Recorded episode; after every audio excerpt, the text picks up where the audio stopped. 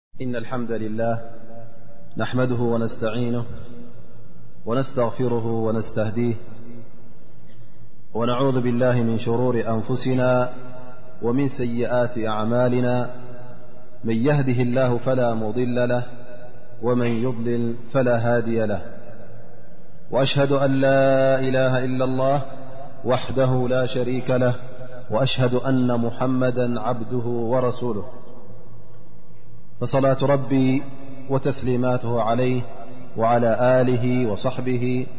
ومن استن بسنته إلى يوم الدين أما بعد إذ خبركم أحوات السلام عليكم ورحمة الله وبركاته أبزحلف درسي سورة البقرة كام جمر أجمرنا كسع ኣያ ቁፅሪ ሓሙሽተ በፅሕና ነርና ማለት እዩ እቲ ትንተና ዝነበረ ድማ ኩሉ በቲ ኣህል ልኢማን ሙተቒን እንታይ ይኣምኑ እንታይ ከ እዩ እቲ ሲፋት ወይ ከዓ እቲ መግለፂኦም ኢልና ብዛዕባኦም ተዛሪብና ነርና ሕጂ ኣብቶም ክሓቲ ክንሰግር ኢና ማለት እዩ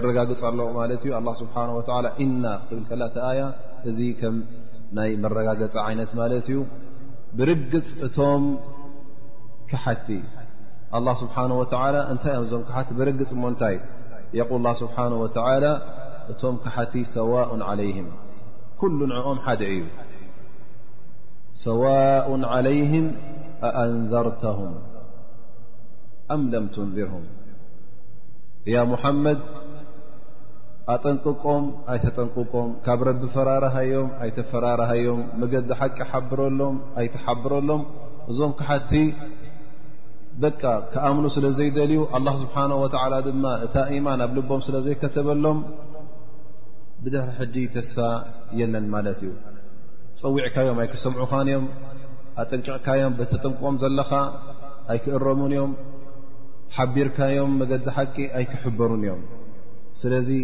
ኣይትጉሀ ኣይትሕዘን እነ ለذነ ከፈሩ ከፈሩ ብቋንቋ ዓረብ እቲ ትርጉማ እንታይ ማለት እዩ غጠው ወሰተሩ ማለት ሸፊኖም ማለት እዩ ከፈሩ ሕጂ እንታይ እዮም ነቲ ሓቂ ሸፊኖሞ ማለት እዩ ካፍር ክበሃል ከሎ ሕጂ ነቲ ሓቂ ሸፊንዎ ማለት እዩ በታ ቀንዲ ቋንቋ ትርጉም ናይ ቋንቋ ናይዛ ከሊመት ከፈራ እንተ ክንፈልጥ ኮይና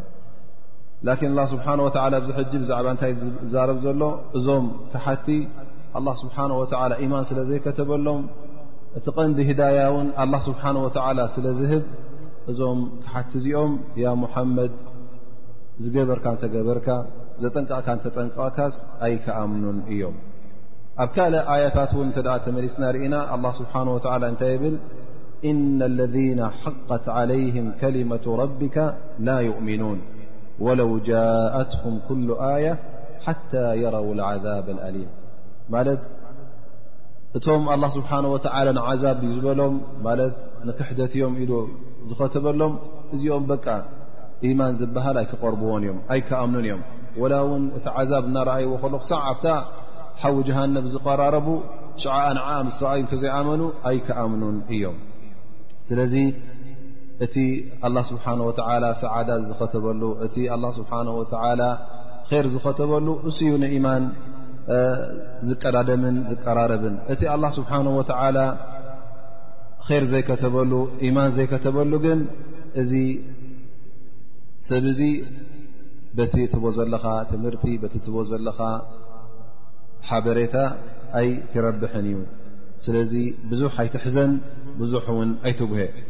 ምኽንያቱ ከምቲ እብን ዓባስ ዝበሎ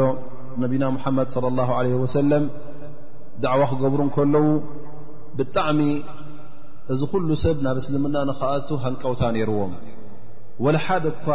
ካፍር ሓደ ካሕድ ክተርፉ ይደልዩ ነበሩን ስለዚ ለይቲ ምስ መዓልቲ ዳዕዋ ገብሩ እንተ ሓደ ኣብ ኢማን ክኣቱ ዘይረኣይዎ እተ ኣብ ክሕደት ክቕፅር ሪኦሞ ብጣዕሚ ይጉህዩ ነይሮም ብጣዕሚ እውን ይሓዙ ነይሮም ምክንያቱ እቲ መዓልቦ ፅባሕ ንግሆ ዝፅበዮ ዘሎ ሰብ እዚ ስለ ዝፈልጥዎ እሶም እውን ኣላ ስብሓን ወተዓላ ብዝሃቦም ዕልሚ ብዝኸፈተሎም ብርሃንን እቲ ኢማን ክንደይ ረብሓ ከም ዘለዎ እቲ ክሕደት እውን ጥፍኣት ስለ ዝኾነ እዚ ኩሉ ፈልጡ ስለ ዝነበሩ ናይ ብና ሓመድ ለ ላ ለ ወሰለም እዚ ሰብ እዚ ኣብ ክሕደት ክቕፅል እንከሎ ተመዒዱ ማዕዳ ክነፅብ እንከሎ ብጣዕሚ የጉህዮም ነይሩ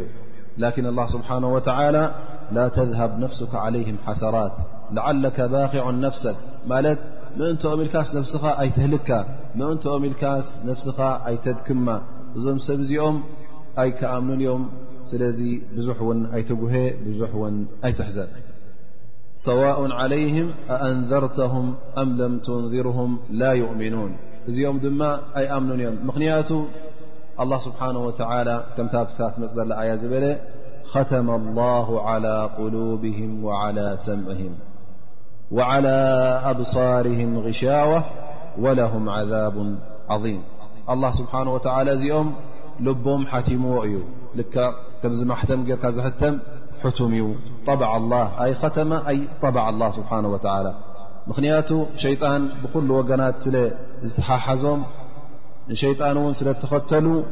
ኣላ ስብሓን ወተዓላ እውን ኣብቲ ጥፍኣት ኣብኡ ዓፅዎምን ኣብኡ ሓቲምዎምን እዩ ስለዚ እቲ ኣላ ሂብዎም ዘሎ ልቢ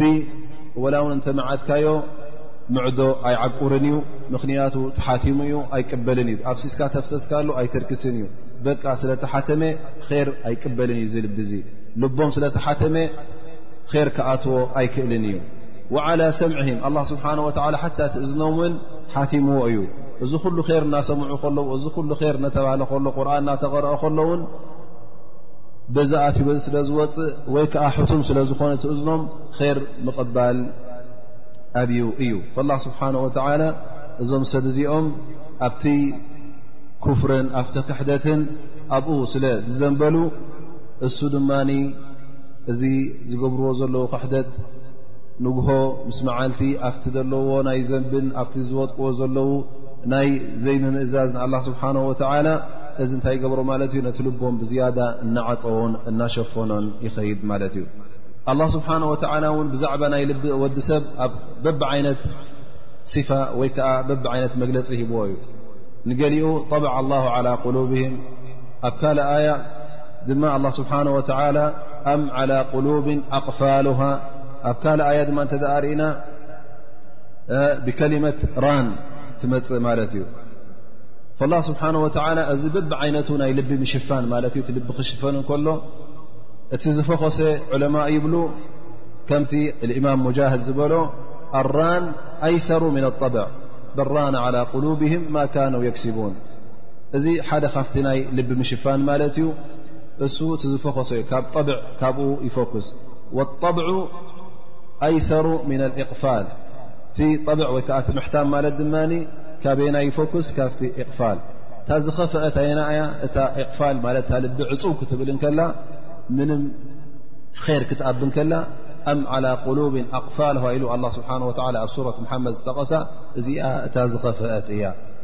እታ ኣብ ትሕቲኣ ትመፅእ ጠብዕ ወይ ከዓ ምሕታም ማለት እዩ ምዕፃው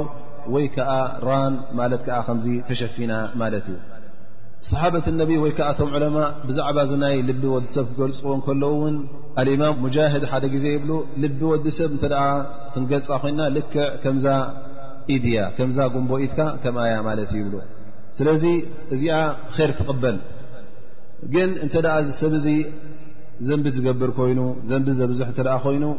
ዘንቢ እናገበረ ናብ ዝሕኸት ከሎ በብቕሩብ ከምዛ ፃዕቲ ዕፅፍ ትብል እንደገና ዘንቢ እናወሰኸ ቶባ ከይበለ ንረቢ ከይዘከረ ከይድ ከሎ ቁሩ ድማ እዚኣ ዕፅፍ ትብል በብቕሩብ በብሓንቲ ናትዓፅፋ ከመይ ትኸውን ማለት እዩ ከምዛ ዕሙኽቲ ኢድ ትኸውን እሞ ሕጂ ወላ ሓንቲ ከምዚኣ ኢላ ከላስ እንታ ክትሕዘላ ትኽእል ኢድ ክትቅበል ኣይትኽእልን እያ እታ ልቢ እውን ልክዕ ከምዚኣ ስለ ትሕተም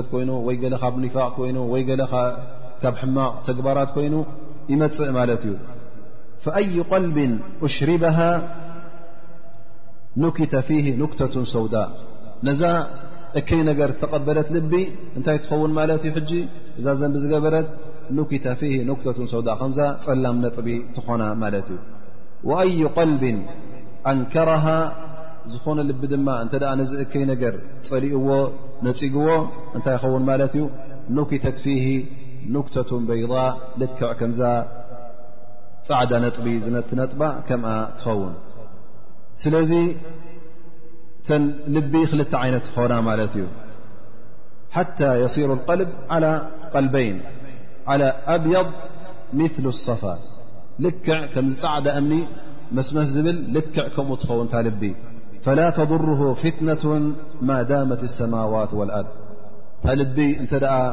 እዚ ኩሉ መርመራታት እዚ ኩሉ ፊትናታት ሓሊፋቶ እሞ ከዓ ፃዕዳ ኮይና ነፅሃ ማለት ብኢማን ፃዕድያ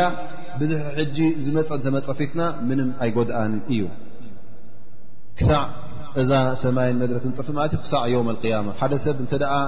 ኢማኑ ደልዲሉ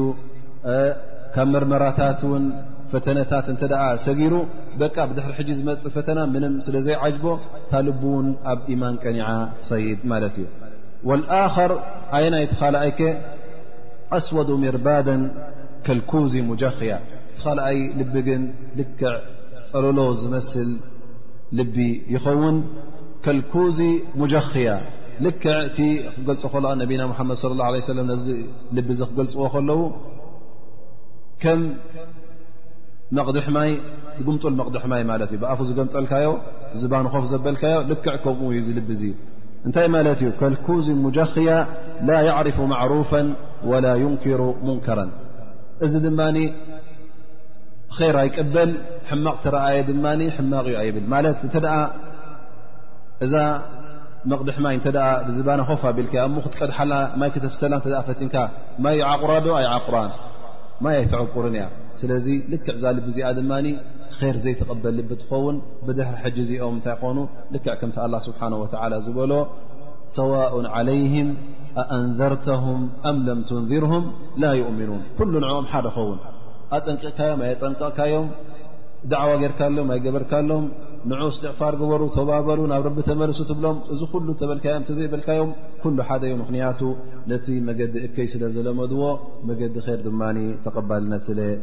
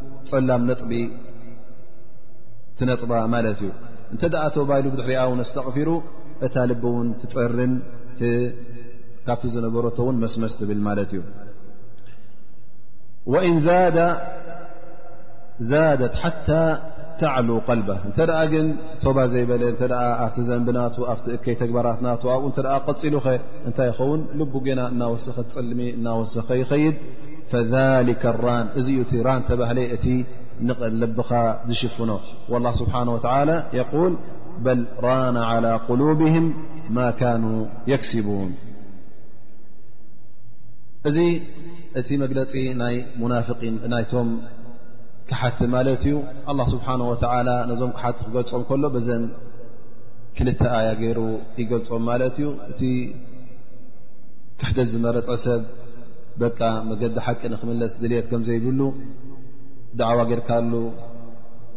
ፃውዒት ጌርካሉ ዘይቀበል ከም ምዃኑ ጠቒሱ ምኽንያቱ ድማ ኣብቲ ክሕደት ስለ ዝቐፀ ኣላ ስብሓን ወተላ እውን እዚ ሰብ እዚ ክሕደት ስለ ዝመረፀ ልቡን ኣእዛኑን ዓፅዎ ከምኡ ውን ኣብ ርእሲኡ ወዓላ ኣብሳርህም ሻዋ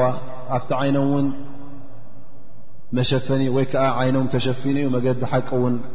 ኣይርእዩን እዮም ኢሉ ኣላ ስብሓን ወተላ ገሊፅዎም ኣብ መጨረሻ ድማ ወለሁም ዓዛቡ ዓظም ኣብ ዮም ኣልቅያማ ድማ እዞም ክሓቲ እዚኦም እንታይ ይፅበዮም ኣሎ ዓብዪ ስቃይ እዩ ብጣዕሚ ኣሳቃይ ዓዛብ ናይ ጀሃንም ይፅበዮም ኣሎ እዞም ክሓቲ ውሳነናቶም ስለዚ እዚ እዩ ኣብ ዮም ኣልቅያማ ጀሃንም ከም ዝኣት ኣላ ስብሓን ወተላ በዛ ኣያ ገይሩ መርትዖ ኣቕሪቡልና ማለት እዩ ብድሕሪ እዚ ኣላ ስብሓን ወተዓላ ብዛዕባ ናይ ሙናፍቒን ክጠቅስ ጀሚሩ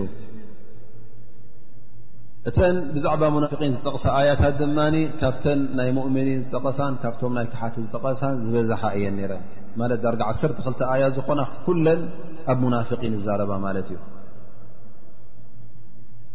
ስለምንታይ ኣላ ስብሓን ወተዓላ እቶም ሙእምኒን ዘይገልፁን ስለምንታይ ንሙእምኒን ብዝያዳ ዘይገለፆም ወይ ከዓ እቶም ክሓትን ዶ ብዝያዳ እሶም ንኣላ ስብሓን ወተላ ብጣዕሚ ክሒዶም ዘለዉ ውፁዕ ክሕደ ዘለዎም ስለምንታይ ንዕኦም ኣብዚሑ ዘይገለፆም ምናልባሽ እዚ ሕቶ ይመፅእ ይኸውን ኣላ ስብሓን ወተላ ነዞም ሙናፍቒን ብብዝሒ ዝገለፆም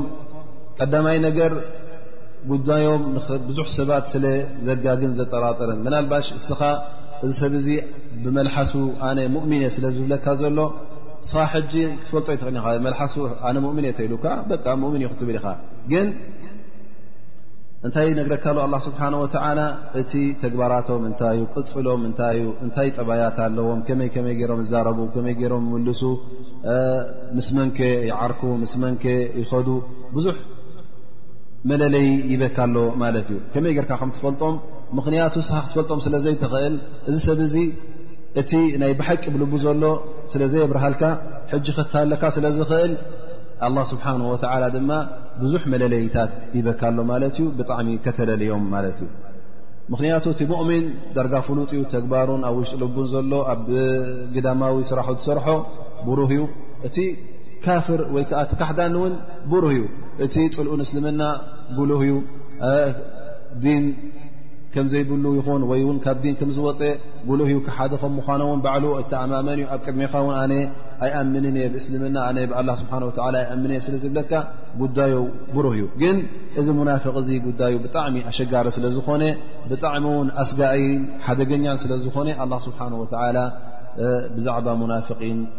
ኣንውሕ ኣቢሉ ኣብዛ ሱራ እዚኣ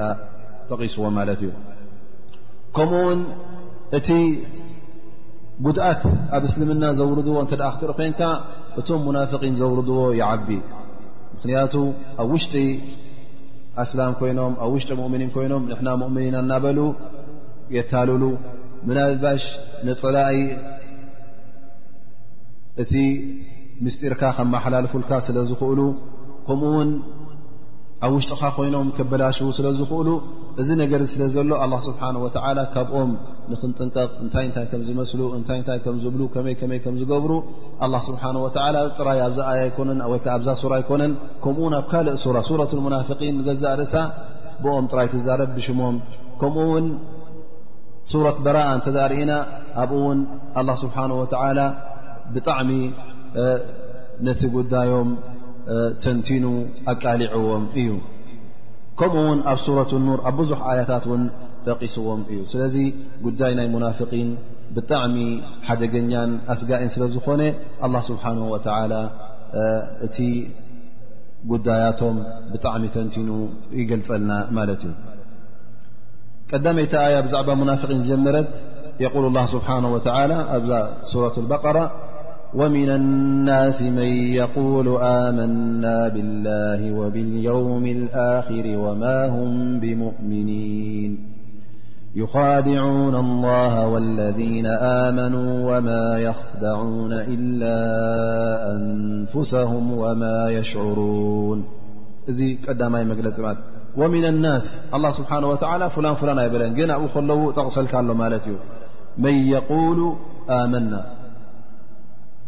ኣመና ብላሂ ወብልየውም ኣክር ወማ ሁም ብሙእምኒን ቀዳማይ ነገር ኒፋቅ እንብሎ ዘለና ሕጂ እንታይ እዩ ኒፋቅ ክበሃል እንከሎ ወላ በቲ ቋንቋ ትግርኛ እውን መናፍቅ ዝብልዎ ሙናፍቅ ጥቕውይ ማለት እዩ ጥርጠራ ሸክ ፅኑዕ ኢማን ዘይምህላው እዚ እዩ እቲ ኒፋቅ ዝበሃል ዳሕራይ ክልተ ዓይነት ኒፋቅ እውን ዘሎ ኒፋቅ ኢዕትቃዲ ወኒፋቅ ዓመሊ ክልተ ዓይነት ኒፋቅ ኣሎ ማለት እዩ ኒፋቅ ኢዕትቃዲ ማለት እምነታዊ ኒፋቅ ማለት እዚ ሰብ እዚ ኣብቲ ቀንዲ ኢማኑ ሙናፍቅ እዚ ሕጂ ካብ እስልምና ካብ ዲን ዝወፀ ካብ መገዲ ሓቂ ዝወፀ እዩ ማለት እዩ በቃ እዚ መዋእሉን ሓዊ ጀሃንም እዩ ምክንያቱ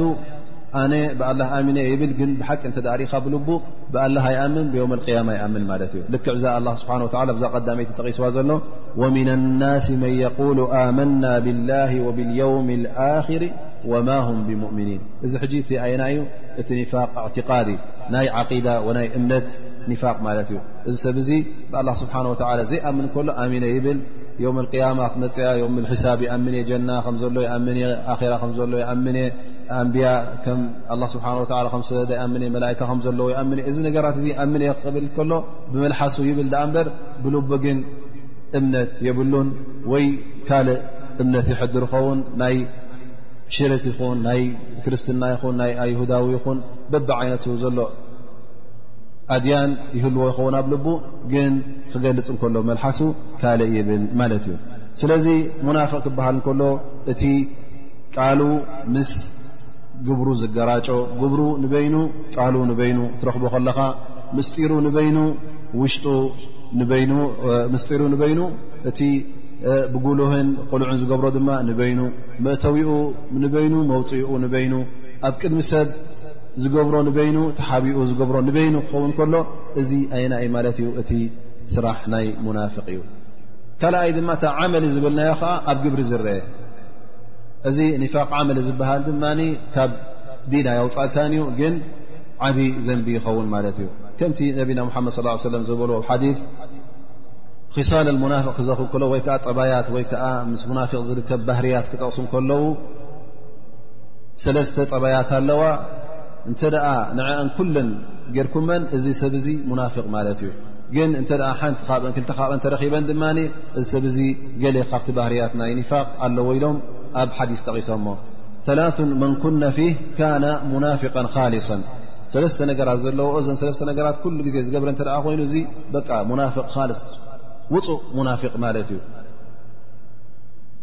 ወመን ካነት ፊህ ዋሕደ ሓንቲ ላ ኮይና ድማ ካብቲ ናይ ኒፋቅ ጠባይ ኣለካ ማለት እዩ እንታይ እየን እዚአን ያ ረሱላ ላه ቃል ኢዛ ሓደث ከዘብ ተታ ተዛሪብ ኩሉ ግዜ ሓሶት መታለል እዩ ሓቂ ተዛሪቡ ዘይፈልጥ ኩሉ ግዜ ዘረብኡ ሓሶት ዝኾነ ሰብ እዚ ሓደ ካፍ ጠባያት ናይ ሞናፍቅ ማለት እዩ እስኻ ክክንዲቲ ሓሶት ትገብሮ ክክንዲቲ ናብ ኒፋቅ ምቕራብካ ማለት እዩ ወኢዛ ዋዓዳ ኣክለፍ ቆፀራ እተ ሂቡካ ውዕል እተ ሂቡካ ድማ ውዕሉ ዝጠልም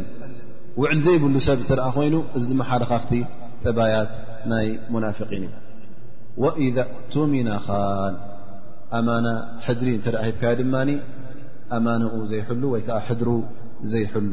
እዚ ሰብ እዚ እውን እንተ እዚኣ ጠባይ ኣላቶ ኮይና እዛ ጠባይ እዚኣ ሓንቲ ካብተን ናይ ኒፋቅ ኣላቶ ግን ንሰለስትኤን ኣኪቡ እተ ኣብ ሓደ ሰብ ረኺብካዮ እዚ ዳርጋ ነጥቢ ናይ ኢማን ዘይብሉ ሰብ ድኣ እምበር ቁርብ ኢማን ተትህልዎስ ኣብቲ ሓንቲ እኳ ምተዓረየ ነይሩ ስለዚ ኣብ ዘረብኡ ሓሳዊ ኣብቲ ቆፀራ ዝቦ መታለሊ ጠላሚ እተደኣ ኮይኑ ኣብቲ ሕድሩ እውን ፀልም ሕድሪ ዘይሕሉ እተ ኮይኑ እዚ ካፍቲ ዓላማት ናይ ኒፋቅ እዩ እዚ ድማ ዓብ ዘንቢ እዩ ምክንያቱ ፀባይ ናይ ኣስላማይ ካብ ሓሶት ክረሕቕ ናይ ሙእሚን እተ ንእሽተይ ኢማን ኣላትካስ እዚ ኩሉ ንክትገብር ካፍቲ ናይ ፀባይ ዘርሕቕ እዩ ታሪኽ ናይ ኒፋቕ ክንርኢ እንተ ኮይንና ድማ ምናልባሽ እቲ እዛ ኣያ እዚኣ ዝወረደትሉ ኣብ መዲና ይኹን ደኣ እምበር ኣብቲ ግዜ እቲ ድማ ንገዛእ ርእሱ እቲ ኒፋቕ ዝጀመረሉ ሰዓታት ስለ ዝነበረ ኣላ ስብሓን ወተዓላ እዘን ኣያ እዚአን ኣውሪዱ ግን እዚ ክበሃል እንከሎ ጥራይ እቲ ኒፋቕ እቲ ሙናፍቕ ኣብ ግዜ ነቢና ሙሓመድ ለ ላ ለ ሰለም ኣብ መዲና እዩ ነይሩ ጥራይ ማለት ኣይኮነን እንታይ ደኣ እዚ ጉዳይ እዚ ኩሉ ግዜ እዩ ዝርከብ ኣብ ኩሉ እዋናት እዩ ዝርከብ ከምቲ ኣብ መዲና ዝነበረ ባይታ እስልምና ክርከብ እንከሎ ሙናፍቒን ድማ ናይ ግድን እዮም ዝርከቡ ስለዚ ኣብ መካ ከሎ ነቢና ሙሓመድ صለ ላه ለ ሰለም እተ ርእና ኒፋቕ ዝበሃል ኣይነበረን እንታይ ደኣ ብኣንጻሩስ እቲ ኣብ እስልምና ዝኣቱ ነበረ ነቲ እስልምና ይሓብኦ ነይሩ ኣነ እስላማይ ንኽብል ክእለት ኣይነበሮን ምኽንያቱ ኣብቲ ዝነበሩ ዓዲ እቶም ዓዲ ሙሽርኪን ስለ ዝነበረ መብዝሕቶም ሙሽርኪን ስለዝነበሩ እቶም ንእስልምና ድማ ዝኣተዉ ሓደ ክልተ ስለ ዝኾኑ ኣብ ቅድሚቶም ሙሽርኪን ክዛረቡ ይኽእሉ ይነበሩን ስለዚ ኣብ ግዜ እስልምና ኣብ መካ ከሎ ኒፋቅ ዝበሃል ኣይነበረን ከምኡ ውን ነቢና ሙሓመድ ስ ሰለም ምስ ሃጀሩ መዲና ገጾም ምስ ከዱ ኣብኡ ውን ኣብቲ መጀመርያ ንመዲና ዝኣተውሉ ጌና እቲ ሕብረተሰብ መጀመርያ ኣብ እስልምና ክኣትኡ ጀሚሩ ነይሩ ግን ክሳዕ ሽዑ እውን ኒፋቀ ጀመረ ነይሩ ኣብዚ ዓዲ ድማ ወይ ከዓ ኣብ መዲና ኦስ ኸዝረጅ ዝበሃላ ክልተ ቀቢላ ነይረን ከምኡ ውን ምስኦም ኣይሁዳውያን በኑ ቀይኑቋዕ በኒ ነር በኑ ቁረይታ ዝተባህሉ ምስኦም ይነብሩ ነይሮም ማለት እዩ ኣብቲ መጀመርያ ስምና ከምቲ ዝበልናዮ መዲና ዝኣተወሉ ኒፋቅ ኣይነበረን መብዝሕቶም ኣብኡ ዝነበሩ ወላ ውን ምስልምና ይእተው ዳኣ እንበር ገና እቲ ሓይሊ ናይ እስልምና ተፈሊጡ ስለ ዘይነበረ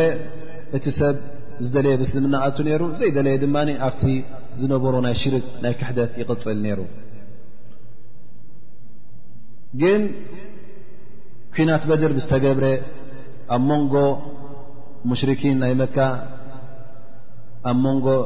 ኣስላም እተገብረ ቀዳመይ ትውግእ ኣብኣ ኣስላም ተዓዊቶም ንመካ ንመዲና ምስ ተመልሱ እንታይ ተራእዩ ማለት እዩ ሕጂ ፀበልትነት ናይ እስልምና ተራእዩ እስልምና ከም ዝሓየለን ንእስልምና ድማ ዘውድቆ ሰብ ብድሪ ሕጂ ብቀሊል ከውድቆ ከምዘይከኣል ምስ ረኣዩ ብድሕሪኡ እውን እዚ ዓወት ምስ ተረክበ ኣብ መዲና ዝነበሩ ብዝያዳ ምስልምና ክኣትዉ ጀሚሮም እቲ ጉዳይ ምስ ረኣይዎ ኣህሊ መዲና ድማ እቶም ገና ብሓቂ ኣብ እስልምና ክኣትዉ ዘይደልዩ ዝነበሩ ሰባት ኣብቲ ህብረተሰቦም ከም ጓኖት ስለ ዝኾኑ መብዙሕቲ ሰብብ እስልምና ስለ ዝኣተወ እሞ እንታይ ደኣ ንግበር ኢሎም ከም ሰብና ኣስላም ኢና ንበል ንሕና እውን ምሳኹም ኢና ንበሎም ኣስላም ንኹን ኢሎም ሕጂ ከጠፋፍኡ ጀሚሮም ማለት እዩ ኣብ ውሽጢ እስላም ኮይኖም ኣስላም ኢና ክብሉ ጀሚሮም ስለዚ እዞም ሙናፍቒን ኣበይ ጀሚሮም ማለት እዩ ኣብቲ እስላም እቲ እስልምና ክብርትዓሉን ብዝያዳ እውን ክድንፍዓሉን ዝጀመረሉ ሰዓት ሽዑ እዮም ጀሚሮም ማለት እዮም እንተ ድኽመት ኣሎ ኮይኑ እስልምና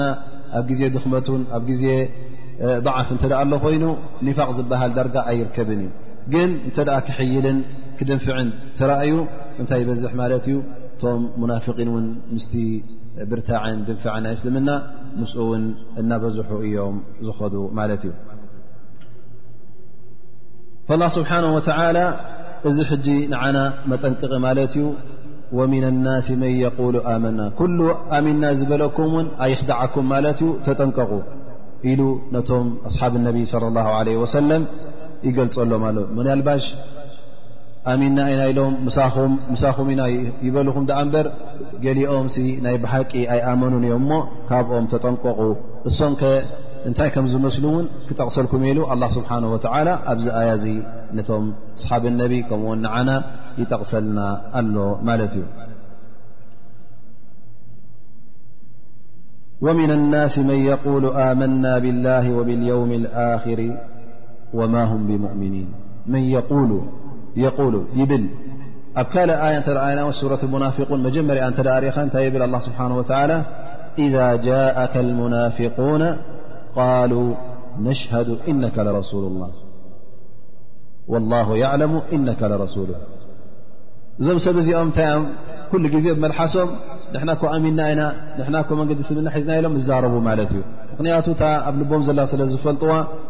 ከምቲ ኣብ ምስላ ዝሎ ሰራቅ ሞባእ ባዕሉ ለፋለፍ ከም ምልፍላፍ ማለት ኩሉ ግዜ ናብ ነቢና ሙሓመድ ስ ሰለም መፂኦም ያ ረሱላ ላ ንሕና ኮ ነቢ ከም ምኳንካ መስኪርና ኢና ንኣምን ኢና ይብልዎ ማለት እዩ ስለዚ ኩሉ ግዜ ቃሉ ኣመና ኣብታ ኣይ እንተ ርእኻ ውን ኢዛ ጃእከ ልሙናፊቁን ክመፅኻ ከሉ ቅድሜኻ እዮም ዝብሉ ድኣ እምበር እንተ ካባኻ ገሊል ኢሎም ኣብ ካልእ ቦታ ኣለዉ እተ ኮይኖም ስሮሖም ካልእ እዩ ማለት እዩ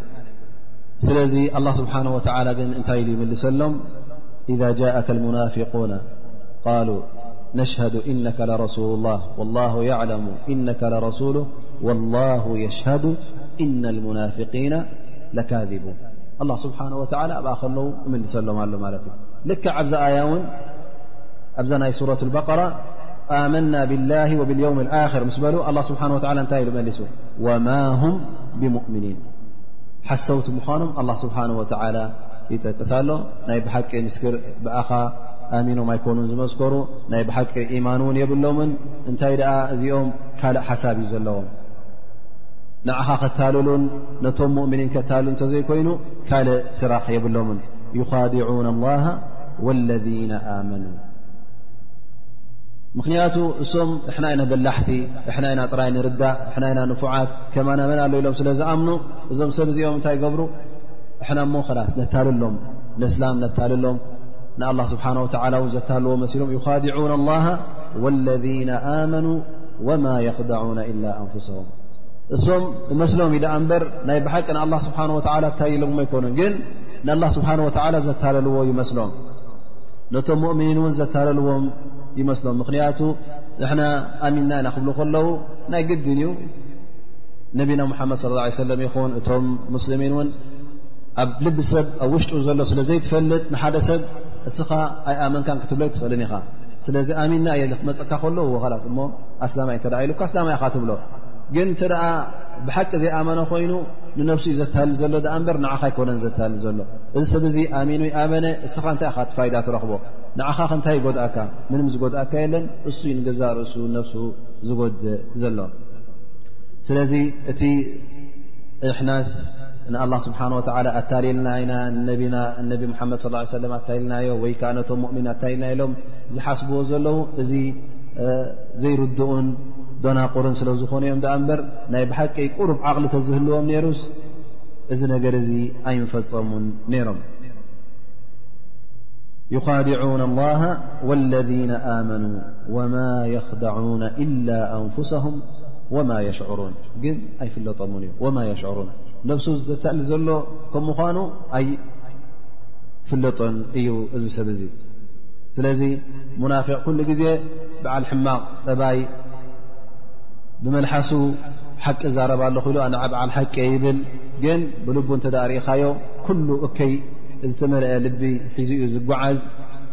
ኩሉ ግዜ እውን ግብሩ ኣንፃር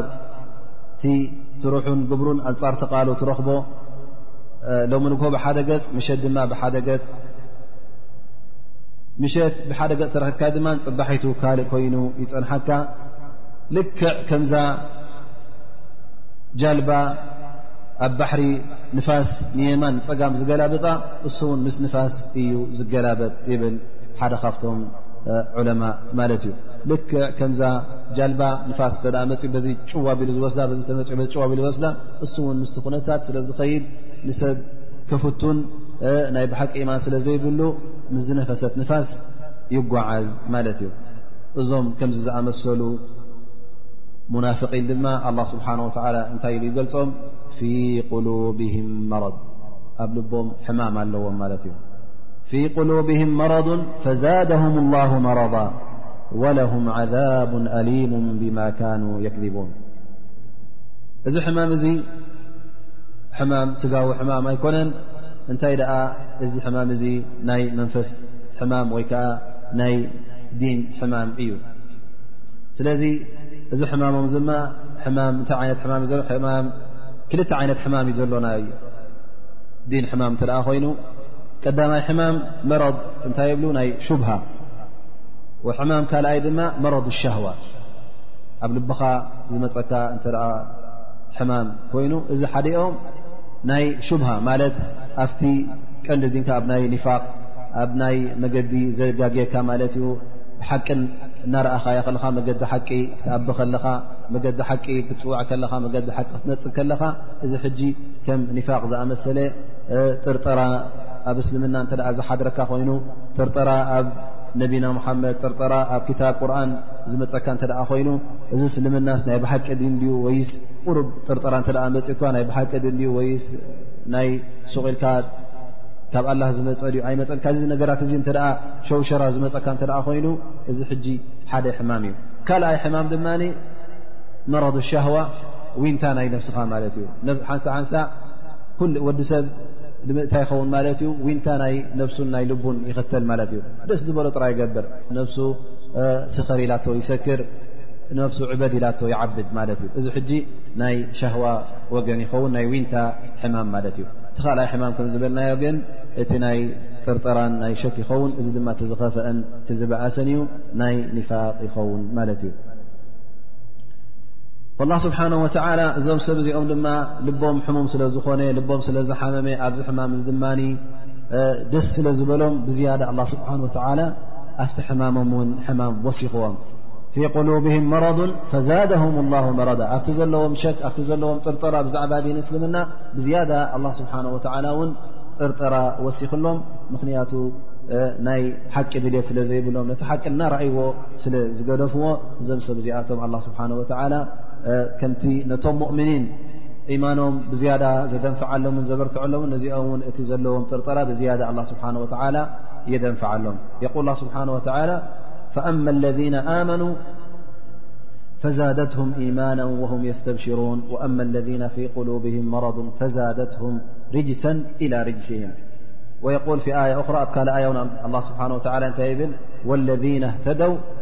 ዛደም ሁዳ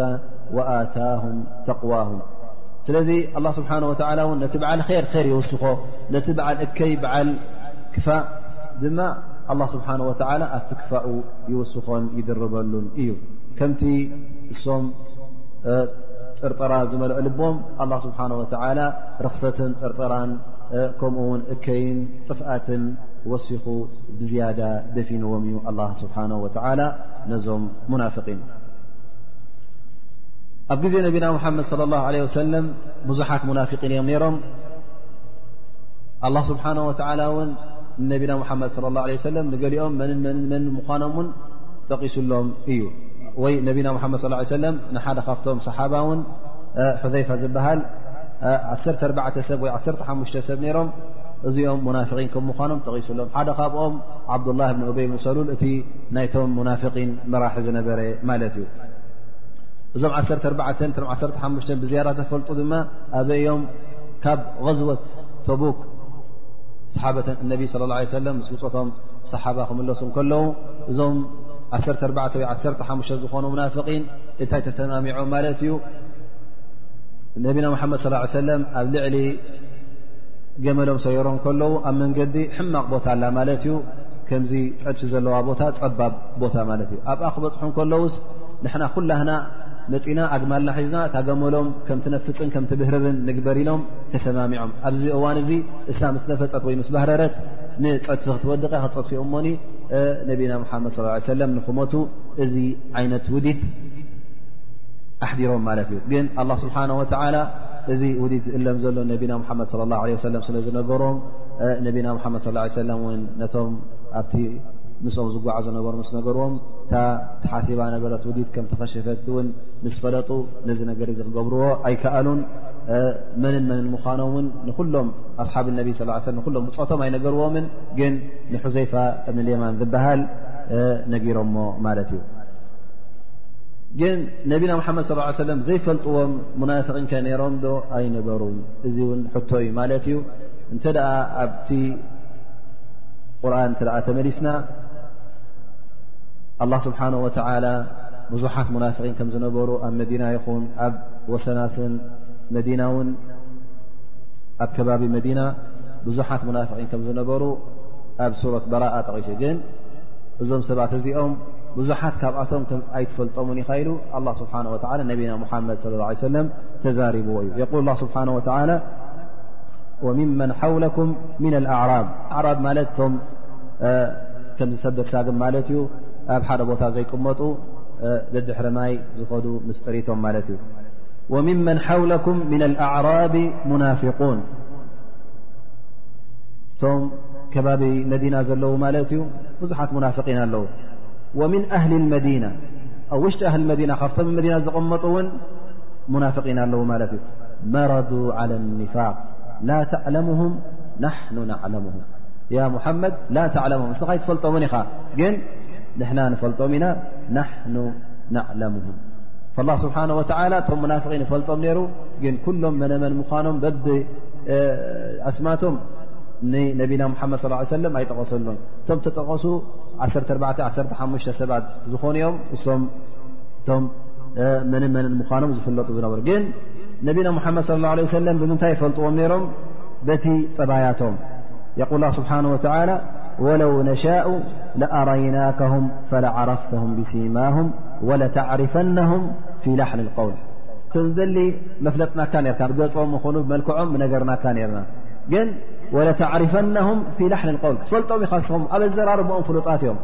ኣብ ኣዘራርብኦም ክትፈልጦም ኢኻ ኢሉ ነቢና ሙሓመድ ለ ላه ለ ሰለም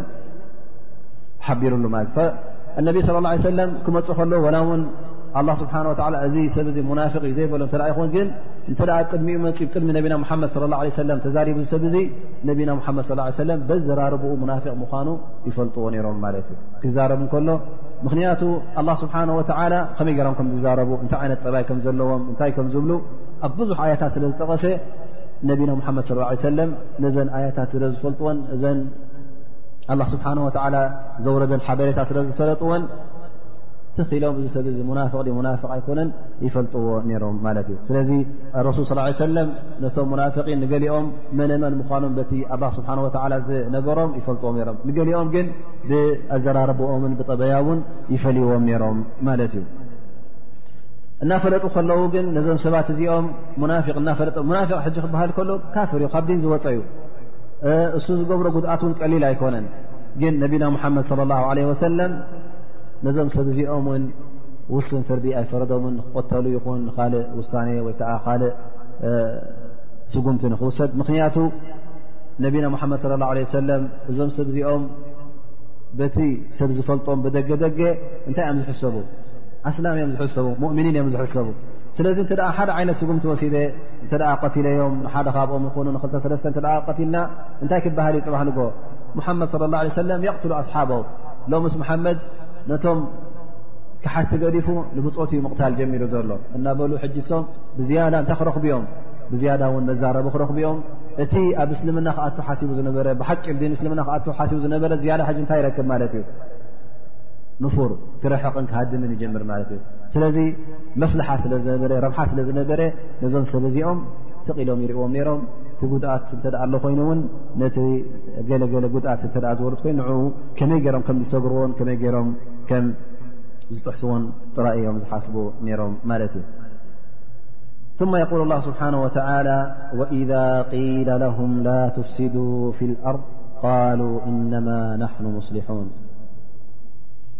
ኣላ እነሁም ሁም ልሙፍሲዱን ወላኪን ላ የሽዑሩን እዞም ሰብ እዚኦም እንተ ደኣ መድሪ ተበላሽዉ ካብቲ ዘለኹምሞ ክሕደት ውፁ መገዲ ሓቂ ቀጢልኩም ኪዱ እተ ኢልካዮም እንታይ ይብሉ ንሕና ኢናቶም ኣብ መገዲ ሓቂ ዘለና እሕና ኢና መገዲ ዕሪና ዘለና እሕና ኢና ፅቡቕ ዘለና ይብሉ ማለት እዩ ምኽንያቱ ሶም እንታይ እዮም ዝርዩ እታ ሒዞማ ዘለዉ ሓቂ ከም ምዃና እዮም ዝርዩ ፈሳድ ክበሃል ከሎ ቀንዲ ፈሳድ ዝበሃል እንታይ እዩ ቀንዲ ፈሳድ ብኣላ ስብሓን ወላ ክትክሕድ ከለኻ ምስልምና ምስልምና ክትነፅግ ከለኻ ኣላ ስብሓን ወላ ዝኣዘዞ ትእዛዛት ክትነፅግ ከለኻ ኣላ ስብሓን ወላ ዝገበሮ ገደብን ዝገበሮ ሕዱድን ንዕኡ ክትሰግር ከለኻ እዚ ሕጂ እዚ ማዕስያታት እዚ እንታይ ይበሃል ፈሳድ እዩ ዝበሃል ናይ ብሓቂ ፈሳድ እንታይ እዩ ካብ መገዲ ኣላ ስብሓን ወላ ክትወፅእ ከለኻ እዚ እቲ ንምድሪ ምብልሻውን እዚ ሰብ እዚ ከም ዝገብር ድማ ኣበላሻዊ ምድሪ ዝበሃል እቲ መገዲ ኣላ ስብሓን ወላ ገዲፉ ዝኸይድ እዩ ስለዚ እዞም ሰብ እዚኦም ንኣላ ስብሓን ወላ ተማዘዝዎ ንኣላ ስብሓን ወላ ኣይትዕሰይዎ ኣይትጋገዩ መገዲ ረቢ ሒዝኮም ክዱ ክበሃሉ ከለዉ እንታይ ይብሉ ንሕና ኢና እቶም መገዲ ሓቂ ሒዝና ዘለና ይብሉ ግን ናይ ብሓቂ ሙፍስዲን ናይ ብሓቂ ኣበላሸውቲ መሬት ዝበሃሉ እዞም ሙፍስዲን ኣላ እነሁም ሁም ሙፍስዱን እሶም እዮም ቶም ቀንዲ ኣበላሸውቲ ኢሉ ኣላ ስብሓን ወተዓላ ይምልሰሎ ኣላ እነሁም ሁም ሙፍስዱን ምኽንያቱ እሶም እዮም እቶም ማዕስያ ዝፍፅሙ ዘለዉ ንኣላ ስብሓን ወተዓላ ዘይምእዘዙ ዘለዉ ከምኡ ውን ኣላ ስብሓን ወተዓላ ዝኸልከሎም ዘይክልከሉ ከምኡ ውን ኣላ ስብሓን ወተዓላ ዘገደዶም ፈራኢድ ፈርድኹም ክተቱ ተባህሉ ፈርዶም ዘይከቱ ከምኡ ውን ኣብ ርእሲኡ ውን እዞም ሰብ እዚኦም ኣብ ውሽጥኻ ኮይኖም ነቶም ክሓቲ ንዕኦም ስለ ዝሕግዙን ንኦም ምስኦም ስለ ዝተሓባበሩን ድማ ብዝያዳ ፈሳድን ብዝያዳ ብልሽውናን ዝፈጥሩ እዞም ሰብ እዮም ምኽንያቱ ኣላ ስብሓን ወላ ኣብ ካል ኣያ እንተ ርእና የል ወለذነ ከፈሩ ባዕضም ኣውልያء ባዕض እቶም ክሓቲ ኩሉ ግዜ ነንሕዶም እዮም ዝተሓጋገዙን ነድንሕዶም እዮም ዝፋተውን ማለት እዩ ኢላ ተፍዓሉ ተኩን ፍትነة ፊ ኣርض ወፈሳዱ ከቢር እንተ ደኣ እስኹም ኣህል ኢማን ኢና እናበልኩም ከለኹም መገዲ ሓቂ ሒዝና ኢና እናበልኩም ከለኹም እንተ ደኣ ምስቶም ክሓት ተሓጋገዙ ኮንኩም ኣንፃርቶም ኣስላም እንታይ ኣኹም ማለት እዩ እስኹም ይኹም መሬት ተበላሽ ዘለኹም ይብል ኣላ ስብሓን ወላ ስለዚ እዞም ሰብ እዚኦም እንተ ደኣ ምሳኹም ኣለና ምሳኹም ኢና እናበሉ ኮይኖም ብታሕቲ ታሕቲ ምስቶም ፀላእትኻን ምስቶም ንዓኻ ክቐትሉን ምስቶም ንዓኻ ክብትኑን ምስቶም ንዓኻ ከጥፍኡን ዝኣልሙን ዝተልሙን ዘለ ምስኦም እተ ኮይኖም ዝተሓጋገዙን ዝተሓባበሩን ካብዚ ዝኸፍ ብልሽውና የለን ፈስለዚ ሙናፍቅ እዚ ሰብ እዚ ንብዙሓት ኣስላም ንብዙሓት ሙእምኒን እውን ከታልል ይኽእል እዩ ንብዙሓት እውን ከጥፍእ ስለ ዝኽእል ኣላ ስብሓን ወተላ ብዛ ኣያ እዚ ክንጥንቀቕን ብዝያዳ ድማ ሓበሬታ ይህበና ማለት እዩ እሶም እንታይ እዮም ዝብሉ ሕጂ ኣይትጋገዩ ኣይተበላሽዉ ክበሃሉ ከለዉ ንሕና ንዕሪና ዘለና እበር ነበላሽ ኣለና ከመይ ጌርኩም ትዕርዩ እተ ኢሎም ተሓቲቶም ድማ ንሕና በዚ ክሓት ኣለዉ በዚ ድማ ምእመናን ኣለዎ ንሕና እንታይ ኢና ንደሊ ዘለና ንና ምስዚኦም ክንበኣስ ኣይንደሊ ምስዚኦም ክንበኣስ ኣይንደሊ ንሕና ሰላም ኢና ንደሊ ስለዚ ምስዚኦምን ምስዚኦምን ክንከይድ ስለ ንደሊ ንሕና ሰብ ር ኢና ምዝን ምዝን ፅልኢ ስለ ዘይንደሊ ንሕና ኢና ንዐሪ ዘለና ዝኣ እንበር እቶም ካልኦት እዮም ዘበላሽው ዘለዉ ወይ እውን እንታይ ይብሉ ንሕና እቲ ድልትና እንታይ እዩ እሕናስ ኣብ መንጎ ኮይንና ነቲኦም ኣስላምን ነቶም ክሓትን ዘለዉ ኣብ መንጎ ኣቲና ከነተዓርቕ ምስኦም ርክብ ክህልወና ምስኦም ምስቶም ኣስላም ርክብ ሓቲ ርክብ ሃልዩና ንሕና ነዞም ክልተ ወገን ከነተዓርቕን እሱ ዩ ድልትና ስለ ዝኾነ ንሕና ንዐርኢና ዘለና እበር ኣይነበላሽወና ኢሎም ክዛረቡ ይረከቡ ማለት እዩ ስለዚ እዚ ተግባር እዚ ድማ ቕኑዕ ከም ዘይኮነ ብዝያዳ ፈሳድ ብልሽውና የምፅኡ ከም ዘለዉ ግን ኣላ ስብሓን ወተላ ኣብቲ ኣያ ኣላ እነሁም ሁም ልሙፍሲዱን ወላኪን ላ የሽዕሩን ግን ኣይፍለጦምን እዩ እዞም ሰብ እዚኦም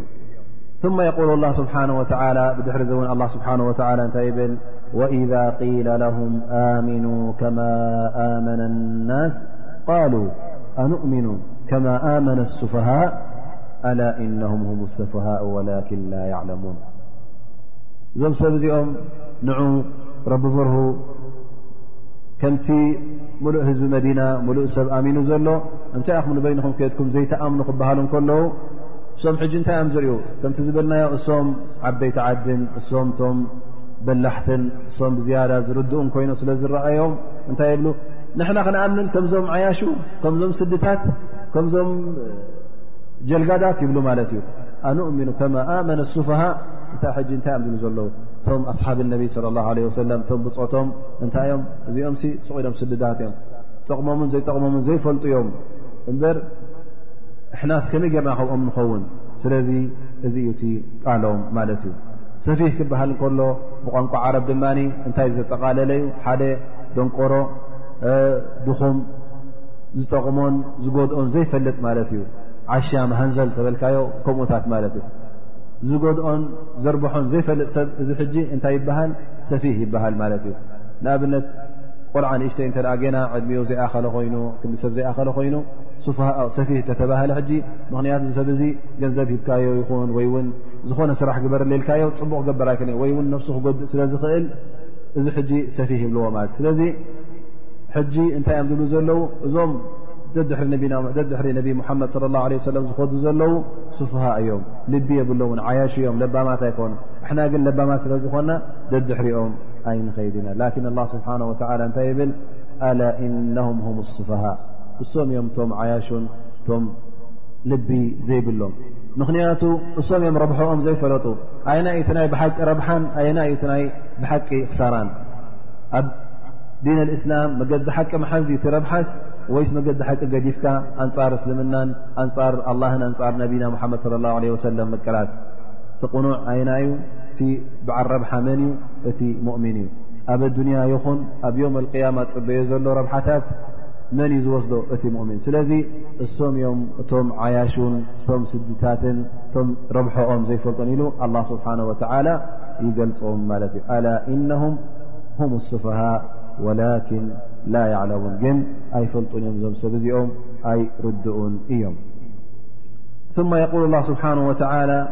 ገና ይገልፆም ኣሎ ማለት እዩ ኣላ ስብሓን ወተላ እንታይ ከገብሩ ወኢዛ ለቁ ለذነ ኣመኑ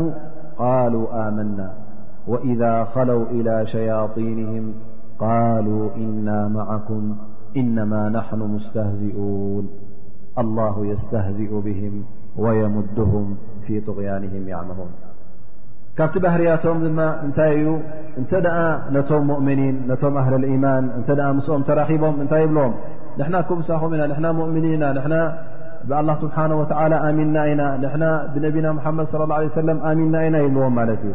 እዚ ሕጂ ኣህለል ኢማን ኢና ክሰግዱ እጅምሩ ፀሞም ፀምና ኣለና ብልዎም ሎም መዓልቲ ፀመ የ ዘለኹ ሎም መዓልቲ ከምዘ እናበለ በዓል ኸር ከም ምዃኑ ከርኢ ፍትን ማለት እዩ ኣብቶም ኣበይ ማለት እዙ ምስቶም ሙእምኒን ክራኸብ እንከሎ ወኢዛ ለቁ ለذነ ኣመኑ ቃሉ ኣመና ወኢዛ ኸለው ኢላ ሸያጢንህም ቃሉ እና ማዓኩም ኢነማ ናሕኑ ሙስተህዚኡን ግን ንበይኖም ምስቶም ሸያጢኖም ማለት ምስቶም መራሕቶም ክራኸቡ ከለዉ እቶም ዓበይቲ ዓዲ ዝበሃሉ ናይ ሙሽርኪን ናይ ኣይሁዳውያን እቶም ዓበይቶም ምስኦም ክራኸቡ ከለዉ እንታይ ይብለዎም ስቕኢሎም እዮም እዚኦም ንሕና ምሳኹም ኢና ዘለና ግን እንታይ ክንገብር ዓሸ ዓያሹ ስለ ዝኾኑ ንላገፀሎም ኢና ዘለና ምሳኹም ኣላ እናበልናዮም ድላይና ክንገብር ኢልና ኢና ይብልዎም ማለት እዩ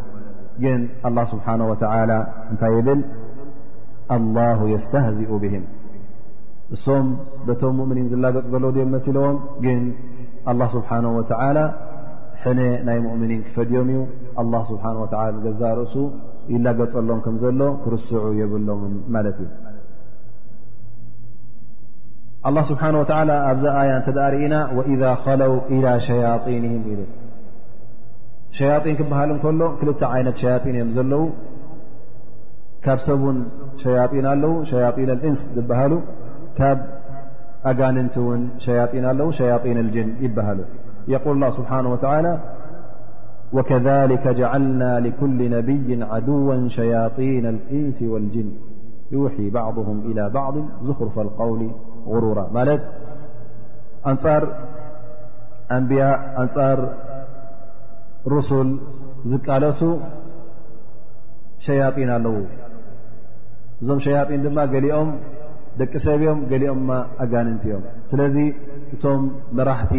ናይ ክሕደትን መራሕቲ ናይ ሙናፍቒን ዝኾኑ እሶም እዮም እቶም ሸያጢን ልእንስ ዝፅውዑ ምኽንያቱ እሶም ስለ ንክሕደትን ንኣንፃር እስልምና ጎስጓስ ዝገብሩን ዘተባብዑን ዝደፋፍኡን እሶም ድማ ከም መራሕቲ ኮይኖም ነዚ ነገር እዚ ተኸናኺኖም ከም ስርሖም ወሲዶም ነዚ ነገር እዚ ከማዕብልዎን ከራቕቕዎን ስለ ዝደልዩ እዚኦም ሕጂ እንታይ እዮም ዝቕፀሩ ልካ ከምቶም ሸያጢን ልጅን እሶም ን ሸያጢን እዮም ዝበሃሉ ምኽንያቱ እሶም እዮም ዝውስውሱኻን ዝመርሑኻን ዝተፋፍኡኻን ዘለዉ ልክዕ ከምቲ ሸይጣን ንሓደ ሰብ ዝተፋፍኦ እሶም ን ስለ ዝተፋፍኡኻን ናብዚ ነገር እዚ ስለ ዝተባብዑኻን ኣላ ስብሓን ወተላ ሸያጢን ኢሉ ጠቒስዎም ማለት እዩ ኣላህ ስብሓን ወተላ እዞም ሰብ እዚኦም ንሕና ንላገፂ ኢና ዘለና ክብሉ ከለዉ ኣላ ስብሓን ወተላ እውን እቲ ጀዛ ናቶም ወይ ከዓ ሞሳ ናቶም እቲ ፅበዮም ዘሎ ካብ ኣላ ስብሓን ወተላ መቕፃዕቲ ቀሊል ከም ዘይምዃኑ ክርስዑ የብሎምን እዚ እስትህዛእ ናይ ኣላ ስብሓን ወተላ ድማ ኣየናዩ እቲ ፅበዮም ዘሎ መቕፃዕቲ እዎ ሕጂ ኣብዚ ዘለዎ ናይ ኒፋቅ ኣብኡ ይቕፅሉ ኣለዉ ኣላ ስብሓን ወተዓላ እውን ዕድመ ይቦም ዕድመ ይውስኾም ድላዮም ገብሩ ይግድፎም እንታይ ሕጂ ኣብቲ ዘለዎ ኒፋቅ ብዝያዳ ንክውስኹን ብዝያዳ ንክቕፅሉን እሞ እቲ ዘንቢ ክበዝሐን ክዓብን ኣላ ስብሓን ወተዓላ በዚ ሸነኽ እዚ እቲ መቕፃዕቲ የውርደሎም ኣሎ ማለት እዩ ሕጂ እሶም ዝላገፁ ዘለዎ እዩ ዝመስሎም ዘሎ ግን ኣላ ስብሓን ወተዓላ ከምተላገፀሎም ረሲዖም ማለት እዩ ላ ስብሓን ወተላ እንተ ደኣ ዝኾነ ይኹን ሙናፍቅ ይኹን ካሕድ ይኹን ኣንፃር ኣስላም ዝገብሮ ጉድኣት ኣሎ ኮይኑ ኣላ ስብሓን ወተላ እውን ኣብ ኣዱንያ ይኹን ኣብ ዮም ቅያማ ባዕሉ ነዚ ነገር እዚ ክዓግቶን ክቃወሙን ምዃኑ በዚ ኣያ እዚ ይጠቕሰልና እሶም እዞም ሙናፍቒን እንታይ ኢሎም እነማ ናሕኑ ሙስተህዚኡን ንሕና ንላገፅ ኢና ዘለና ንላገፀሎም ኢና ዘለና እዞም ሙእምኒን ኣሚንና ኢና ንብሎም ዘለና ለግፂ እዩ ይብሉ ማለት እዩ ግን ኣላ ስብሓን ወተላ ነዞም ሰብ እዚኦም እንታይ ብል ኣላ የስተህዚኡ ብህም ወየምድሁም ፊ ጥغያንህም ያዕመሁን ኣላ ስብሓን ወተላ ባዕሉ ነቲ ጉዳይቲ ከም ዝሓልፎ ይጠቅስ ማለት እዩ ሙእምኒን እንተ ከምዚ ዓይነት ዝጓኒፎም ኣላ ስብሓን ወተላ ኣብ ክንዲቶም ሙእምኒን ኮይኑ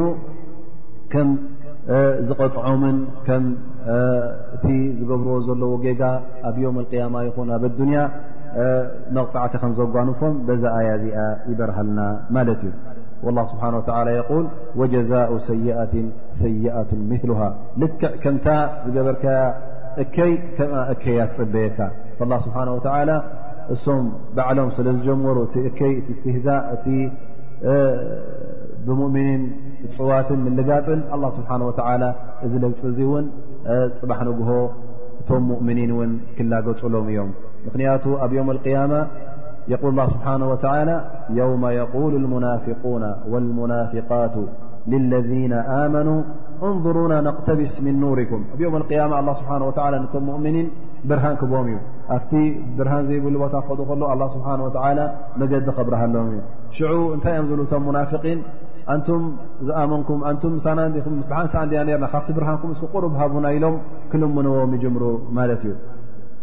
እንظሩና ነቅተቢስ ምን ኑርኩም ፅንሑና ተፀበዩና ካብቲ ብርሃንኩም ክንጥቀም ይብሉ ማለት እዩ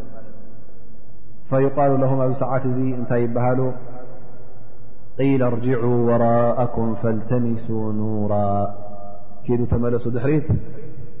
ኣብኡ ርኸቦ እቲ ብርሃን ሕጂ ትማሊ ብኣና ትላገፁ እንዲኹም ርኩም ሎም መዓልቲ ንሕና ብኣኹም ንላገፅ ይብልዎም ማለት እዩ ስለዚ ልክዕ ከምታ ኣብ ኣዱንያ ትላገፅልኩም ዝነበሩ ፅባሕ ንግሆ እውን ኣሎ ኣላ ስብሓን ወተዓላ ንዓኹም ብርሃን ምስ ሃበኩም እሶም ኣብ ፀልማት ምስ ጠፍኡ መን እዩ እቲ ናይ ብሓቂ ዝላገፅን ናይ ብሓቂ ዝዕወትን ክርእዩ እዮም ይብሉ ማለት እዩ ላ ስብሓን ወተላ ወየምድሁም ፊ ጥغያንህም ያዕመሁን ከምኡ ውን እንታይ ይቦም ማለት እዩ ኣብቲ ጌጋ ከም ዝቕፅሉን ኣብቲ ጥፍኣቶም ውን ኣብኡ ከም ዝቕፅሉን ኣብ ግዜ ይቦም ማለት እዩ ኣ ስብሓን ወተላ ምኽንያቱ ብዝያዳ ዘንቢ ክድርቡን ብዝያዳ እከይ ክድርቡን ምኽንያቱ እዞም ሰብ እዚኦም መገዲ እከይ መሪፆም ኣብ ርእሲኡ ጥራይ ንዑ መሪፆም ዘይኮኑስ ለግፂ ስለ ዝወሰኹሉ ኣላ ስብሓን ወተዓላ እውን ጌና ግዜ ይቦም ኣብቲ ዘለዎ ናይ ክሕደትን ናይ ኩፍርን ናይ በላል ናይ ጥፍኣት ኣብኡ ከም ዝቕፅሉ ይገብሩ ኣብኡ ድማ ተሓይሮም ንየማን ፀጋም ዶ ይኺዱ ከይፈለጡ ብኡቢሎም ይጠፍኡ ማለት እዩ ላ ስብሓን ወላ መጨረሻ ይብል ነዚኦም ከመይ ገር ይገጾም ላይከ ለذነ ሽተረው ضላላة ብልሁዳ ፈማ ረቢሐት ትጃረትም ወማ ካኑ ሙህተዲን እቲኣቶም እዮም እቶም መገዲ ጥፍኣት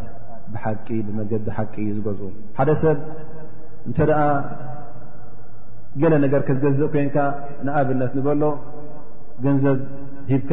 ክዳን ይኹን ገዛ ይኹን ትገዝእ ከለኻ እንታይ ማለት እዩ እ ኣየነይተን ትበልፀካ ማለት እዩ እታ ትገዝኣ ዘለኻ ሳ ስለ ዘድየተካ ኢኻ ንኣብነት ክዳን ትገዝእ ከለኻ ሕጂ እዛ ደኺምካ ዘምፃእካያ ገንዘብ ትኸፍለላ ስለምንታይ እታ ክዳን ብዝያዳ ስለ ዘድልየትካ እቲ ገንዘብ ስለ ዘየድልየካ ኣይነይተን ሕጂ ትኸብር ንዓኻ ማለት እዩ እታ ክዳን ትኸብር ንዓ ስለ ዘኽበርካ ንዓ ስለ ዝደለኻ ንዓ ትመርፅ ማለት እዩ ሕጂ ምክንያቱ ክዳን የብልካ ክዳን ክትረክብ መታን ሰልዲ ግን ክዳን ኣይኮነካን እዩ ሰልዲ ብልዒ ይኮነካን እዩ ስለዚ ክትገዝእ ከለኻ ነቲ ዝሓሰረ ነቲ ንዓኻ ዘየድልካ ገዲፍካ ን ኢኻ ትገዝእ ነቲ ንዓኻ ዘድሊ ማለት እዩ እዚኦም ግን እንታይ ገይሮም እታ ነገር ገምጢሎማ ማለት እዩ ላይከ ለذና ሽተረው ضላለة ብልሁዳ መገዲ ሓቂ ተኸፊትሎም እንከሎ ኣላ ስብሓነ ወተላ እዚ ኩሉ ኣያታት እናውረደ ነቢ ልኢኹሎም እንከሎ ነዚ መገዲ ሓቂ ገዲፎም እንታይ ይልውጥዎ ማለት እዩ ብመገዲ እከይ ብጥፍኣት ይልውጥዎ ማለት እዩ ስለዚ ነቲ ክሕደትን ኒፋቅን በቲ እምነትን በቲ መገዲ ሓቂን ይገዝእዎ ማለት እዩ ከም ዝገብር ሰብከ እንታይ እዩ ይረብሕዶ ይኸስር ኸስራን ኣይረብሐን ፈየቁል ላ ስብሓን ወተላ ላይከ ለذነ ሽተረው ضላለة ብልሁዳ ፈማ ረቢሐት ትጃረቱ ንግዶም ክሳራ ኮይና ማለት እዩ ምሻጥን ምልዋጥን ንግዲ እዩ ዝበሃል ስኻ ትነግድ ኣለኻ ማለት እዩ ከትካ ክትገዝእ ከለኻ እሸጠልካ ከሎ እዚ ሓደ ዓይነት ንግዲ እዩ ስለዚ እዞም ሰብ እዚኦም ድማ እዚ ዝገበርዎ ንግዲስ ክሳራ እዩ ይብል ኣላ ስብሓን ወላ ፈማ ረቢሐት ትጃረትም ንግዶም ኣይረብሐን ወማ ካኑ ሙህተዲን መገዲ ሓቂ እውን ኣይሓዙ ስለዚ እዞም ሰብ እዚኦም መገዲ ሓቂ ገዲፎም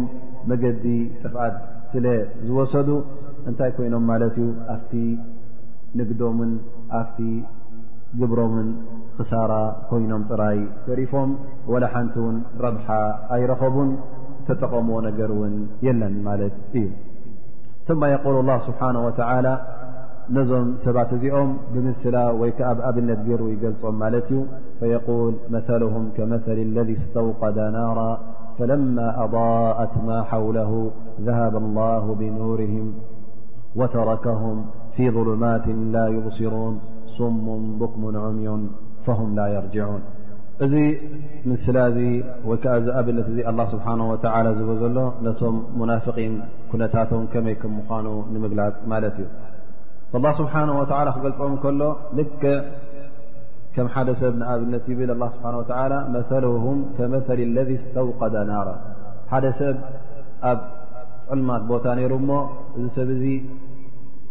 ንኽበርሃሉ ማለት ሓዊ ይልምን ማለት ዩ ብርሃን ስለ ዝደለየ ሓዊ ይልምን ስተውቀደ ናራ ሓዊ ምስ ለመነ እንታይ ይኸውን ማለት እዩ እታ ቦታ ትበርሃሉን እቲ ዘለዎ ቦታ ይረኣየሉ ማለት እዩ ክንቀሳቐስ ዝኾይኑቲ ዘለዎ ቦታ ኣብ ጉድጓድ ኣይወድቕ ገለ ዝነክሶ ገለ ዝወግኦ እሸክቶሎ ካብኡ ይጥንቀቕ ማለት እዩ ምስ በረሃሉን ኳዕ ምስ በለሉን ድማ እንታይ ይኸውን ማለት እዩ ኣላ ስብሓን ተላ ነዚ ሰብ እዙ ለሚንዋ ዝነበረ መብራህቲ ግብ የብለሉ ማለት እዩ ኣብዚ ፀልማት እዙ ኮፍ ክብል እንከሎ እዚ ሕጂ ልክዕ ከምቶም ሙናፍቒን እዩ ማለት እዩ እዚ እንታይ እዩ ዘርኢ ዘሎ እዞም ሰብ እዚኦም ሙናፍቒን እቲ መገዲ ሓቂ እቲ መገዲ እስልምና መፂዎም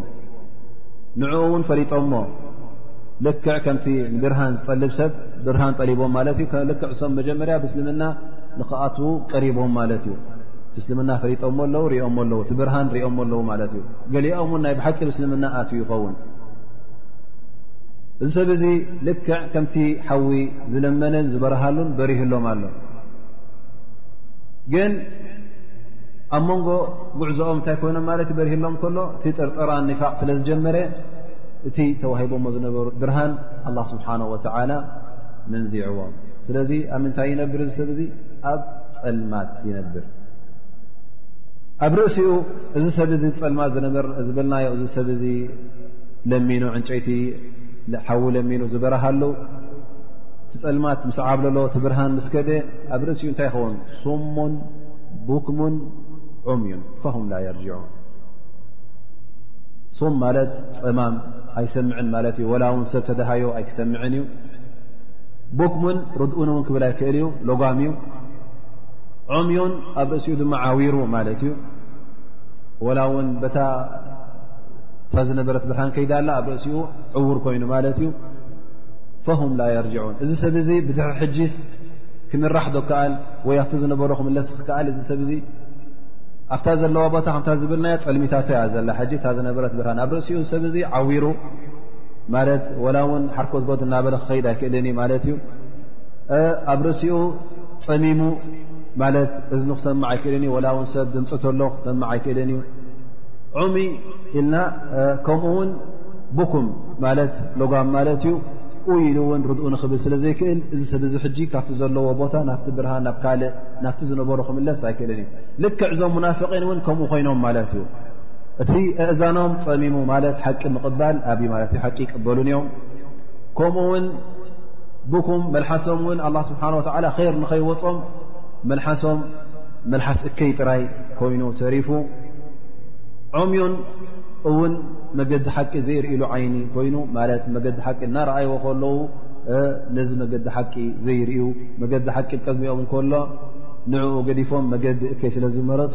እዞም ሰብ እዚኦም ብድሕሪ ሕጂ እውን ኣብቲ ዝነበርዎ ንእሽተ ኢማን ኣብቲ መጀመርያ ዝፈለጥዎ ኢማን ኣብኡ እውን ኣይመለሱን እዮም ፈሁም ላ የርጅዑን ማለት ብኡቢሎም ኣብቲ ኒፋቆም ኣብቲ ክሕደቶም ኣብኡ ክጠፍኡ እዮም ኢሉ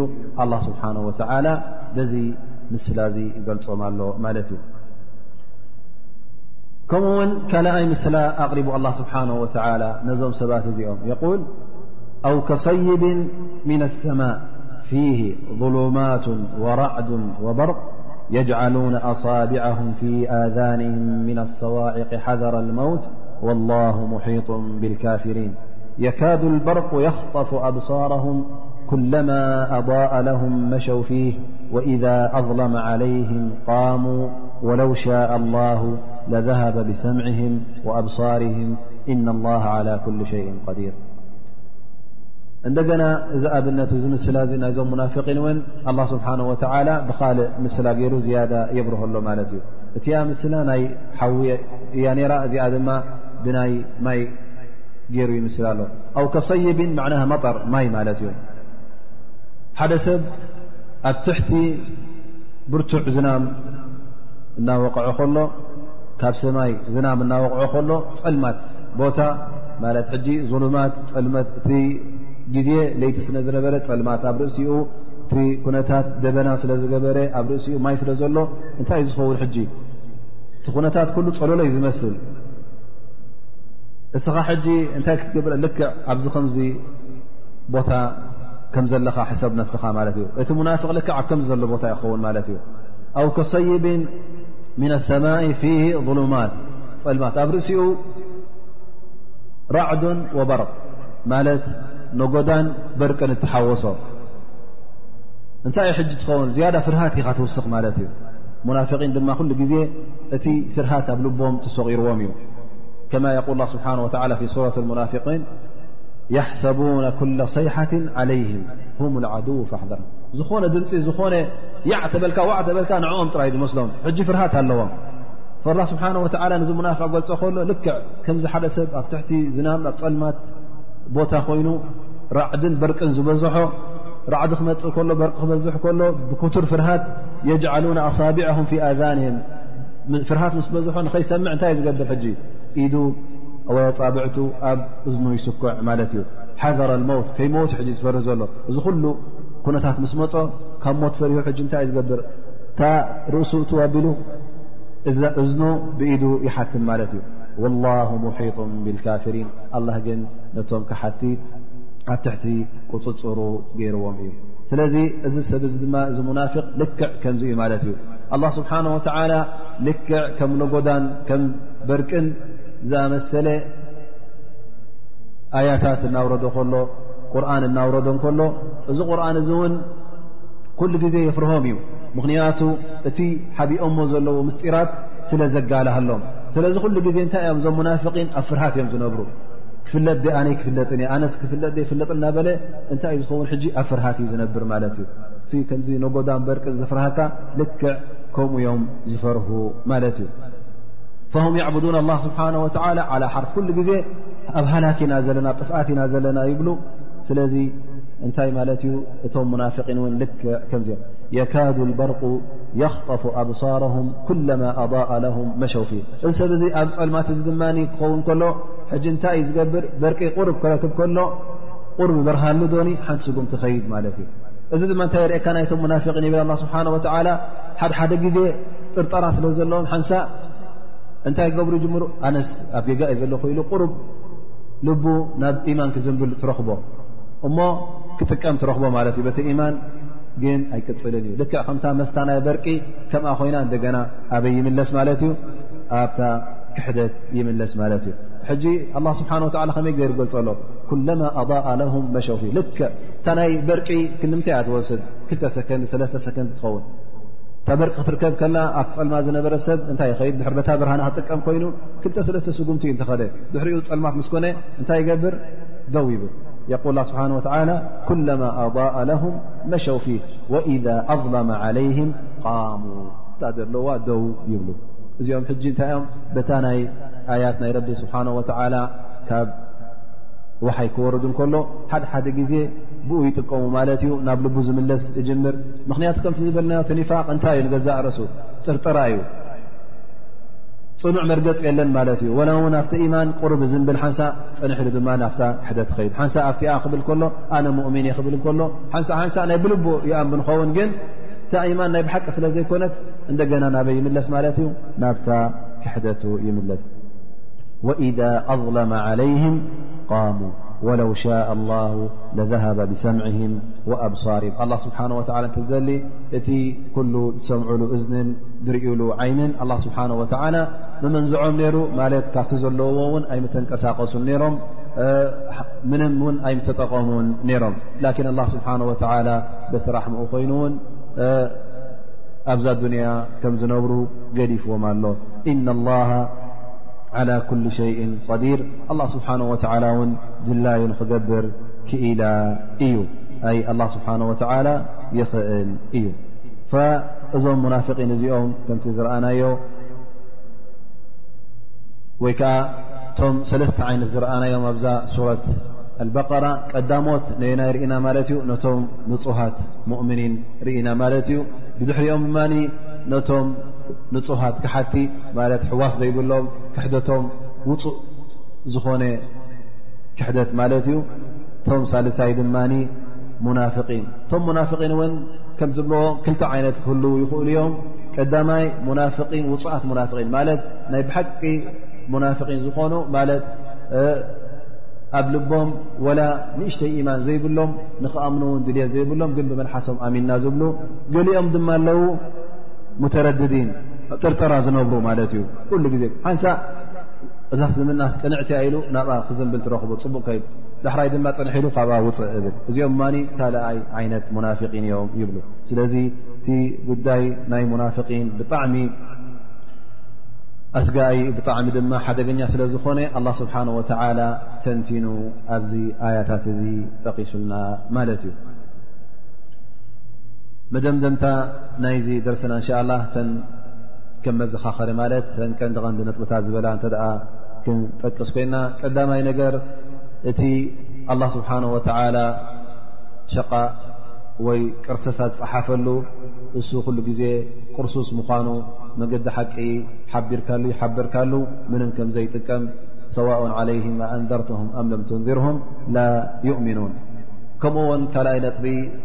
ከም ዝወሰድናዮ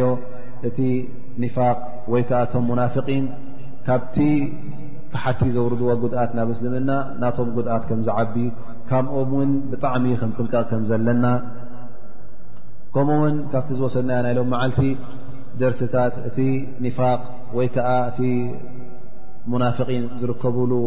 ሰዓታትን እዋናትን መዓስ እዩ ኣብቲ እስልምና ዝድንፍዓሉን ዝሕይለሉን ግዜ ከምኡ ውን እቶም ሙናፍቒን ኩሉ ግዜ እንተ ደኣ ክንሪኦም ኮይንና ማእከላይ መርገፅ ዝመርፁ እዮም ማለት እዞም ሰብ እዚኦም ናይ ብሓቂ ትብዓት ዘይብሎም ሰባት እዮም ፈራሃት እዮም ምኽንያቱ እንታይ እዩ እዚ ሰብ እዚ ስለምንታይ እዩ ኒፋቅ መሪፁ ዘሎ ምሳኻን ምስቲ ኣንፃርካ ዘሎን ምስ ሙእምኒን ምስ ካሓድን መሪፁ ዘሎ ሓደ ካብቲ ጠንቅታት እንታይ እዩ እዚ ሰብ እዚ ናይ ብሓቂ ትብዓት የብሉን ኣነ በዓል ኢማን ኢሉ መገዲ ኢማን ሒዙ ቀጥ ኢሉ ክኸይድ ኣይክእል ከምኡ ውን ኣነ በዓል ክሕደት ኢሉ ኣንፃር እምነትን ኣንፃር እስልምናን ድማ ቀጥ ኢሉ ክዋጋኣሉን ብትብዓት ክብድሆን ስለ ዘይክእል እንታይ ገብር ማለት እዩ ሕጂ እዚ ማእከላይ መርገፅ ይመርፅ ማለት እዩ እዚ ሕጂ ኩሉ ግዜ ናይ ሰነፋት መርገፅ እዩ ማለት እዩ ስለዚ እስኻ እንተ በዓል ኢማን በዓል ሓቂ ኮይንካ ትብዓት ኣለካ ኮይኑ ወይ መገዲ ሓቂ መሪፅካ ምስቶም ሰብ ሓቂ ትኸይድ ነዚ ሓቂ ሒዝካ ብቐጥታ ድማ ብሓይልኻ ብኢትካ ብመልሓስካን ብኩሉ ትከላኸለሉን መገደይ ኢልካ ውን ምእንት ኢልካ ትቃለስን ወይ ውን መገዲ ክሕደት ትመርፅ ነዚ ክሕደት ውን መገደይ ኢልካ ንኡ ትከላኸለሉን ትቃላሰሉን ማለት እዩ እዚ ሕጂ እቲ ሰብ ዝገብሩ ማለት ግን እቶም ፈራሃት ቶም ሙናፍቒን ነና ይመርፁ ማለት እዩ ነትነትን ንኸፍትዉ ኣብ መንጎ ይጠፍኡ ማለት እዩ ከምኡ ውን ካብቲ ዝጠቐስናዮ ኣን ረሱል صለ ላه ለ ሰለም እቶም ሙናፍቒን ገለገሊኦም በስማቶም መንመን ምዃኖም ይፈልጥዎም ነይሮም ከምኡውን ንገሊኦም በዘራርብኦምን ብጠባዮምን ይፈልጥዎም ነይሮም ማለት እዩ ካብቲ ዝወሰድናዮ ድማ እቲ ብልሽውናን ፈሳድን ዝበሃል ናይ ብሓቂ ኣብ ዲን ምስልምና ዝግበር ፈሳድ እዩ ማለት ካብ መገዲ ኣላ ስብሓን ወላ ክትወፅእ ከለኻ መገዲ ሸይጣን ሒዝካ ክትከይድ ከለኻ እዚዩ እቲ ብልሽውና ዝበሃል ማለት እዩ ከምኡ ውን እቶም ናይ ብሓቂ ሱፋሃ እቶም ናይ ብሓቂ ዓያሹ እቶም ናይ ብሓቂ ልቢ ዘይብሎም እቶም ሙናፍቒን ከም ምዃኖም ኣላ ስብሓን ወላ ጠቒሱልና ከምኡ ውን እቶም ናይ ብሓቂ ኣበላሸውቲ መሬት ዝኾኑ መን እዮም እቶም ሙናፍቒን ከም ምዃኖም ኣላ ስብሓን ወተዓላ ኣብሪሁልና እዩ ከምኡ ውን እቶም ኣብ ንግዶምን ኣብቲ ተግባራዊ ን ኣብ ኪሳራ ዘለዉ እቶም መገዲ ሓቂ ዝገደፉን እቶም ኒፋቅ ዝመረፁን ከም ምዃኖም እቶም ሙእምኒን ድማ ኣብ ንግዶምን ኣብቲ ተግባራም ን ኣብ ኪሳራ ዘለዉ እቶም መገዲ ሓቂ ዝገደፉን እቶም ኒፋቅ ዝመረፁን ከም ምዃኖም እቶም ሙእምኒን ድማ ናይ ብሓቂ ሙሉእ ብርሃን ኣብ እዱንያ ወሲዶም ኣብ ዮም ልቅያማ እውን ሙሉእ ብርሃን ክወሃቡ ምዃኖም ንመገዲ ሓቂ እውን ስለ ዝሓዙ ኣብ ዮም ልቅያማ እውን ፃምኦም ጀናን ፃምኦም እውን ዕረፍትን